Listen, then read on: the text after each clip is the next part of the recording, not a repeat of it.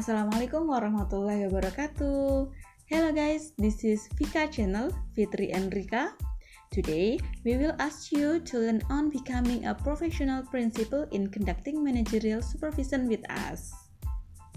We are here in Pelita Islamic University, the entrepreneurial university, the best university in Pelita Raya. Now, we will learn how to become a professional principal in conducting managerial supervision. Okay, now I will start from what is managerial supervision. So, managerial supervision is a professional activity carried out by school supervisors in order to help school principals, teachers, and other education personnel to improve the quality and effectiveness of education and learning. Yes, that's right. Then I will discuss the competency of the principal. What are you doing? So, the principal's competence include personality competencies, academic supervision competencies, educational evaluation competencies, research and development competencies, and social competencies. Yes, right. So, Personality competence is presenting oneself as a responsible, creative, always want to know new things and having self motivation. And then academic supervision competencies is able to foster teachers in improving the quality of learning.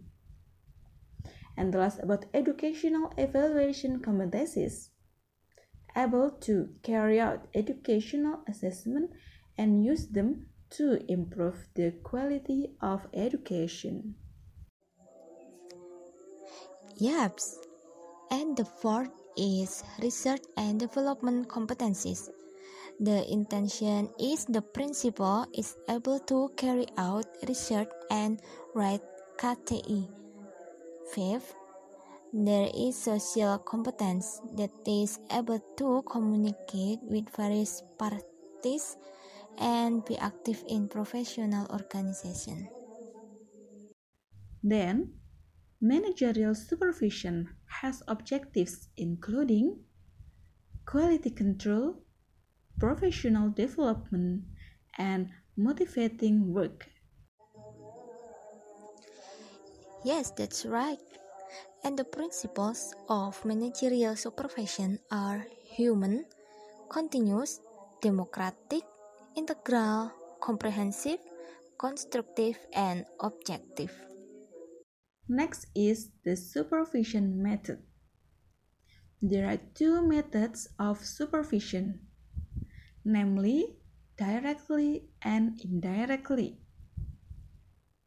Directly, that is the way taken by a supervisor either personally or the department directly dealing with people who will be supervised either individually or in group.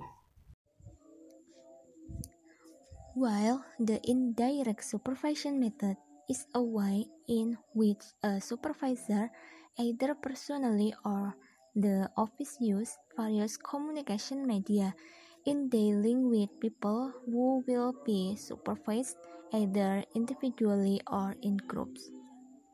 Okay, thank you friends. Hopefully our discussion this is time is useful. Keep up the spirit guys. Yes, guys, keep learning hard and don't forget to keep following our next podcast discussion Wassalamualaikum warahmatullahi wabarakatuh. Bye bye.